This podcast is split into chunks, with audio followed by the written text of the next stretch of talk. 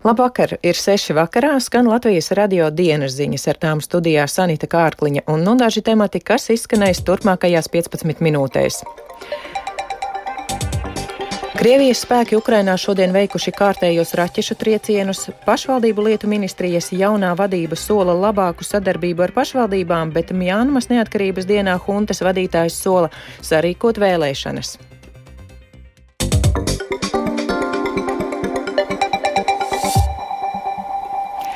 Krievijas spēki Ukrainā šodien veikuši kārtējos triecienus pa dažādiem objektiem. Viena no raķetēm trāpījusi Zaporižjā, ievainojot vienu cilvēku. Ukraiņu izlūkdienesti uzskata, ka Krievija pašlaik gatavo vairākus masveida raķešu triecienus, kas varētu notikt jau šonedēļ. Tāpat aktuālas atkal ir ziņas par iespējamu jaunu mobilizāciju Krievijā. Šajā brīdī esam sazinājušies ar ziņu dienesta ārzemju korespondentu Uģi Lībieti. Kā uzskata Ukrainas aizsardzības ministrijas galvenā izlūkošanas pārvalde, Krievija visticamāk gatavo nākamo masveida triecienu pa Ukrainu. Pārvaldes pārstāvis Vadims Skibitskis izteicies, ka par precīzu šādu uzbrukumu datumu ziņu nav, taču līdšanējie Krievijas kaujas pilotu treniņu lidojumi liek prognozēt, ka šādi uzbrukumi ļoti iespējams varētu notikt vēl šajā nedēļā. Visticamāk, ka uzbrukumi varētu būt pieskaņoti pareizticīgo Ziemassvētkiem, kuri tiek atzīmēti 7. janvārī. Pēc Vladimira Skibitska vārdiem, Krievijai pašlaik ir problēmas ar augstas precizitātes raķešu krājumu papildināšanu. Turklāt tiek gaidīts arī nākamais Irānas bezpilota lidaparāta sūtījums. Visticamāk, ka turpmākajos uzbrukumos Krievija centīsies kombinēt dažādus munīcijas veidus. Kā ir paziņojuši Ukraiņas gaisa spēku pārstāvji, viņi izmantos jebkurus pieejamos līdzekļus, lai notriektu Krievijas raidītās raķetes un dronus, kuri rada apdraudējumu iedzīvotājiem un infrastruktūrai. Šādi gaisa spēki rieģējuši uz ASV izdevumu The New York Times apgalvojumu, ka pret lētajiem droniem izmantotā munīcija brīžiem ir daudz dārgāka, tāpēc ir jāšaubās par līdzekļu liederīgu izmantošanu. Bet tikmēr Ukrainas ārlietu ministrs Dmitro Kuleba ir paziņojis, ka jau drīzumā Ukrainā ieradīsies arī amerikāņu pretgaisa aizsardzības sistēma Patriot. Pagājušo gadu mēs noslēdzām ar revolucionāru lēmumu piegādāt Ukrainai pretraķešu sistēmas Patriot. Par to bija vienojušies Ukrainas prezidents Volodimirs Zelenskis un ASV prezidents Joe Bidenis. Mēs ļoti novērtējam šādu ASV soli un sagaidām, ka sistēmas Patriot tiks piegādātas maksimāli īsā laikā. Sagatavošanās šo sistēmu nodošanai jau ir sākusies. Šajās dienās daudz tiek runāts arī par iespējamo nākamo mobilizācijas vilni Krievijā. Īpaši šis jautājums ir aktualizējies pēc tam, kad Makejovkā, Ukraiņu triecienā, tika iznīcināti vairāki simti mobilizēto Krievu karavīru. Vismaz vienai daļai Krievijas sabiedrības šis uzbrukums ir līdz uzdot jautājums par to, kādos tad apstākļos mobilizētie uzturas, kāda ir viņa drošība un vai tiešām viņi tiek sūtīti uz fronti kā lielgabalu gaļa. Taču Ukrāņu komentētāji ir pārliecināti, ka lielākā daļa Krievijas sabiedrības tomēr pakļaujas oficiālajiem propagandas kanāliem, kas jau ilgu laiku ir stāstījuši par panākumiem kara laukā un gatavojuši augstni tam, lai sabiedrība, ģimenes un apkārtējie paši stimulētu vīriešus iet karot. Patiesībā tās esot tādas kā padomu laika mobilizācijas metodas. Turklāt šie procesi notiek tā, lai valsts prezidents Vladimirs Putins pēc iespējas mazāk būtu ar tiem saistīts. Uģis Lībijams, Latvijas Radio. Latvijas Nacionālo bruņoto spēku pārstāvis majors Jānis Slaidiņš neizslēdz, ka pieredzēsim vēl vienu lielu kauju par Ukrainu, taču tās norises laiku ietekmēs laika apstākļi. Visticamāk, tiks pieredzēts vēl viena liela kauja par Ukrainu, un par to liecina, protams, Krievijas bruņoto spēku pārdislokācija no dienvidiem, no Hersona Zaporiži uz fronts centrālo daļu Donbasu Tāpat zināms, ka aktīvi Krievijā notiek mobilizācija, tāpat mobilizēto apmācību. No tālajiem austrumiem Krievijas spēki pārmet kaujas tehniku, kaujās viņi vēl nav iesaistījusies taisn no šī apgabala.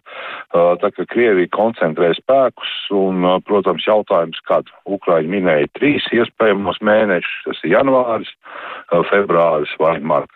Bet daudz kas būs atkarīgi, protams, no laika apstākļiem, kādi valdīs Ukrainā šajā mēnesī. Citviet pasaulē. Dienvidu Austrumāzijas valsts Mjānmas šodien atzīmē 75. gada dienu, kopš tā pasludināja neatkarību no Lielbritānijas. Pirms nepilniem diviem gadiem Mjānmā varu sagrāba militārā hunta, kas ir apspriedusi valsts demokrātiskos spēkus. Neatkarības dienā militāristu līderis deva solījumu sekot vēlēšanas, tomēr maz ir ticams, ka tajās ļaus piedalīties opozīcijai. Vai rakstāsta Uldis Česberis.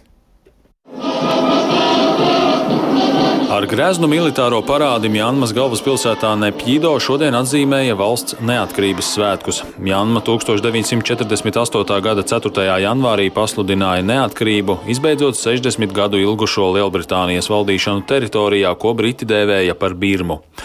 Parādes dalībniekus un skatītājus uzrunāja ģenerālis Mins Auns Hlains, kura vadībā militārā hunta 2021. gada 1. februārī sarīkoja apvērsumu un arestēja vairākus civilos līderus, kuru vidū bija arī Mjanmas faktiskā vadītāja Auna Sana Sučī. Mīns Auns Klains paziņoja par huntas plāniem šogad sarīkot vēlēšanas, kas būšot brīvas un demokrātiskas. Ģenerālis arī mudināja citas valstis un starptautiskās organizācijas atbalstīt patiesas, disciplinētas un plaukstošas daudzpartiju demokrātiskās sistēmas izveidi Mjanmā. Huntas līderis kritizēja vārdā nenosauktas organizācijas un valstis par iejaukšanos Mjanmas iekšējās lietās. Pēc apvērsuma Amerikas Savienotās valstis, Eiropas Savienība, Lielbritānija un citas rietumvalstis ieviesa sankcijas pret Mjanmas militāristu režīmu par demokrātijas iznīcināšanu. Rietumi arī regulāri nosoda Mjanmas varas iestāžu represijas pret cilvēkiem, kuri atļaujas kritizēt huntu. Vienlaikus Mins Auns Klains pateicās valstīm, kuras sadarbojas ar viņa valdību, īpaši izceļot Ķīnu un Indiju. Kā acīm redzams mēģinājums nomierināt starptautisko kritiku, ir vērtējams Mina Auna Hlaina lēmums apžēlot vairāk nekā 7000 ieslodzīto. Tomēr nav ziņu, ka apžēloto vidū būtu 77 gadus vecā Nobela miera prēmijas ieguvēja Auna Sana Suči, kura atrodas ieslodzījumā kopš apvērsuma. Viņai pirms piecām dienām piesprieda septiņus gadus cietumā par apsūdzībām korupcijā. Vairākās atsevišķās prāvās viņai ir piespriesti kopumā 33 gadi cietumā. Uldis Česberis, Latvijas radio.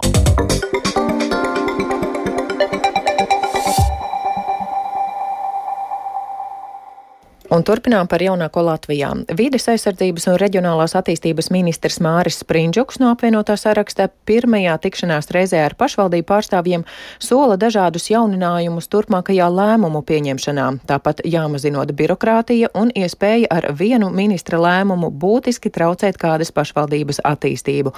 Vairāk Jāņa Kīņša sagatavotajā ierakstā. Turpmākajos gados vietvaru un dažādu ministriju vadībai kopīgiem spēkiem jāpārvērtē dažādu būtiskāko pakalpojumu pieejamība pašvaldībās un to finansēšanas kārtības problēmas. Kopīgi pārvērtējums izmaiņas izglītības iestāžu tīklā, veselības aprūpas un sociālajos pakalpojumos, arī sabiedriskā transporta organizēšanā.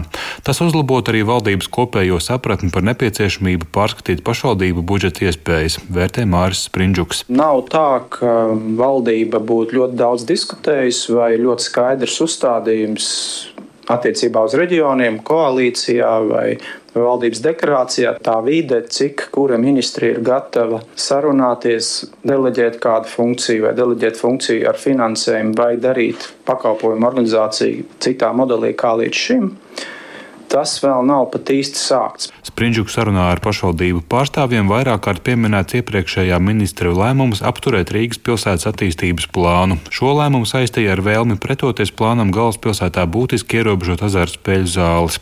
Cerību dokumentu iedzīvināt atkārtoti pauda Rīgas valsts pilsētas domas deputāts Edgars Ikstens no jaunās vienotības. Lai nebūtu tā, ka varams ir, ir tas, kas tik tiešām faktiski veicina to, ka finanses no Rīgas aizplūst. Mēs esam vairāk kārtīgi tikušies ar dažādiem uzņēmējiem, kuri saka, ka mēs, diemžēl, aizējām no Rīgas.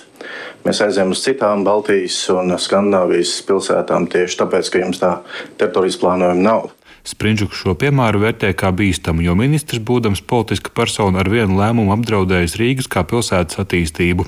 To nāksies ātri labot ar likuma grozījumiem. Ministrs, kurš pats iepriekš ilgi vadījis ādažu novada domu, sola pašvaldībām un to lēmumiem uzticēties vairāk, un komunikāciju ar tām neizvērst par politisku cīņas laukumu, retas strīdu situācijas labāk atrisināt tiesā. Aizvadītās saimnes laikā pieņemtā administratīva teritoriālā reforma gan slavēta, gan arī bieži pelta kā dažviet nepamatota kartes pārzīmēšana. Jaunais novada ministrs šobrīd atzīst, ka neplāno ātras izmaiņas novada sadalījumā. Pat labam tam nesot īstais laiks. Šo reformu varētu pārvērtēt pēc pāris gadiem, kad jau labāk būs redzami tās trūkumi un ieguvumi. Jānis Kincis, Latvijas Radio.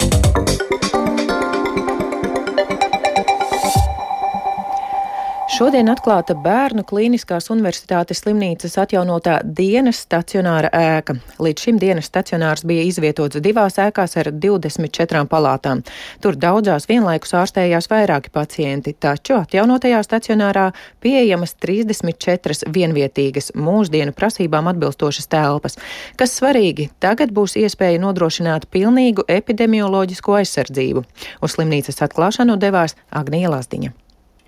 Lai gan dienas stacionārs ir viena no pirmajām ēkām, ar kuru savulaik sāka Bērnu Kliniskās Universitātes slimnīcas būvniecību, tomēr apmeklējot to šodien atjaunotu, ir skaidrs, ka no vēsturiskās elpas nav nemiņas. Gan telpa apdara, gan iekārtas ir jaunas un mūsdienu prasībām atbilstošas. Kā stāsta Bērnu slimnīcas virsārste Renāte Snīpe, būtiska nozīme ir arī interjeram, kas padara ne tikai drošāku vidi bērniem, bet arī nodrošina labāku darba vidi stacionāra personālam. Ja darbinieki var strādāt strādāt skaistā vidē, tad viņi arī ar lielāku prieku nāk uz darbu.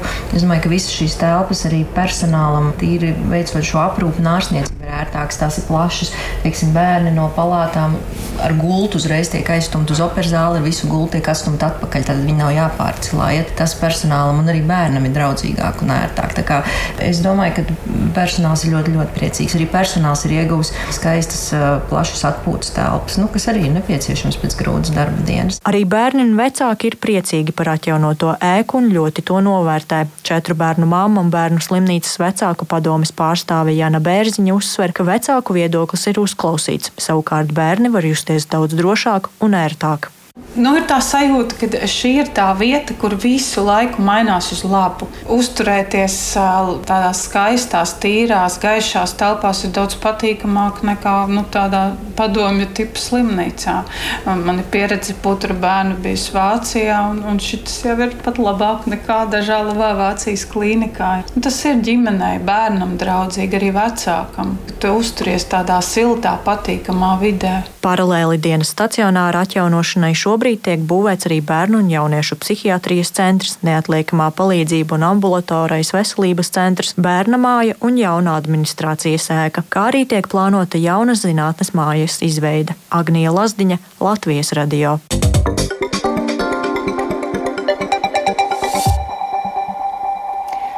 Slēpotāja Patricija Eiduka šodien Vācijā ieguva piekto vietu 20 km brīvā stila iedzīšanas distancē prestižā Tour de Ski seriāla posmā, kas iekļauts arī pasaules kausa ieskaitē. Pirmo reizi karjerā Eiduka tik augsta līmeņa sacensībās iekļuva pirmajā pieciniekā, kas ir arī augstākais sasniegums Latvijas distanču slēpošanas vēsturē. Tūrē ceturtajā sacīkstēs uzvarēja Zviedriete Frīda Karlsone, no vietas uz piedestāla Eiduku šķīra 17,9 sekundes sekundes. Pasaules kausa sacensībās Eidukai iepriekš labākais rezultāts bija 8. vieta 2020. gada decembrī. Pasaules futbola izcilnieks Kristiānu Ronaldu vakar ieradās Saudarābijā, kur turpinās savu karjeru Alnasar klubā. Interese par Ronaldu ierašanos bija milzīga, bet Portugālim gadījās arī kāds misēklis. Preses konferencē viņš pārteicās, pieļaujot kļūdu valsts nosaukumā. Saudarābijas vietā viņš sacīja, ka karjeru turpinās Dienvidāfrikā. Sociālās saziņas vietnēs ļaudis jau joko, ka Ronaldo varētu palikt bez darba, to vēl nesācis. Tikmēr ārzemju mediji vēsta, ka Ronaldu saņems lielāko algu futbola vēsturē - aptuveni 200 miljonus eiro gadā. Lūk, ko uzreiz pēc ierašanās Saudarābijā sacīja Ronaldu. In Europe, my work it's done. I, I won everything. I played the most important clubs Eiropā esmu paveicis visu iespējamo, visur uzvarēju, spēlēju pašos lielākajos klubos. Tagad mani gaida jauns izaicinājums Āzijā. Man ir liels prieks, ka Al-Nasr man deva šo iespēju. Neviens to nezina, bet tagad varu atklāt. Par mani interesējās ļoti daudz Eiropas klubu, arī komandas no Brazīlijas, Austrālijas, ASV, Portugāles. Bet es jau biju apsolījis, ka došos uz šo klubu. Man tas bija labs izaicinājums. Zinu, ko vēlos. Tāpat ļoti labi zinu to, ko nevēlos. Šī ir iespēja iespēja palīdzēt attīstīt futbolu, izmantojot savas zināšanas un lielo pieredzi. To change, to help with my knowledge and my experience. Par to izskan Latvijas radio dienas ziņas producents Viktors Pop Popiks, ierakstus montēja Renāša Teimanis, par labskaņu rūpējās Kristaps Eide, ar jums runāja Sanita Kārkliņa un vēl par gaidāmo laiku. Latvijas vidas geoloģijas un meteoroloģijas centrs informē, ka Latvija šobrīd sasniedz plaša nokrišņu zona, ilgstoši sniks un puteņos ceļi var apledot. Vēža brāzmās būs līdz 17 metriem sekundē, ceturtdienas naktī mīnus 4, mīnus 9, valsts ziemeļaustrumos līdz mīnus 12 grādu sals. Rīgā šobrīd plus 1 grāds, dienvidu rietumu vējš 3 m2, gaisa spiediens 764 mm, gaisa relatīvais mitrums 78%. Bet kāds laiks gaidāms turpmāk, prognozē Toms Brīcis. Nākamnakt daudz vietas sniks un putinās, no jauna izveidosies vidēji 5 līdz 10 cm bieza sniega kārta, bet pavisam maz sniegs ziemeļvidzemē, kur uzsniks tikai 1 līdz 3 cm sniega un Gaidāmais salas nedēļas nogalē var būt bīstams sējumiem un dārziem. Ceturtdien gaidāms arī stiprs ziemeļaustrumu vējš, Rīgas līča piekrastē kurzemē līdz 20-22 metriem sekundē. Nedēļas nogalē naktīs temperatūra lielākoties mīnus 10, mīnus 20 grādu robežās, pie tām piekrastē siltāks, taču būtiski nokrišņi nav gaidāmi, biežāk parādīsies saule.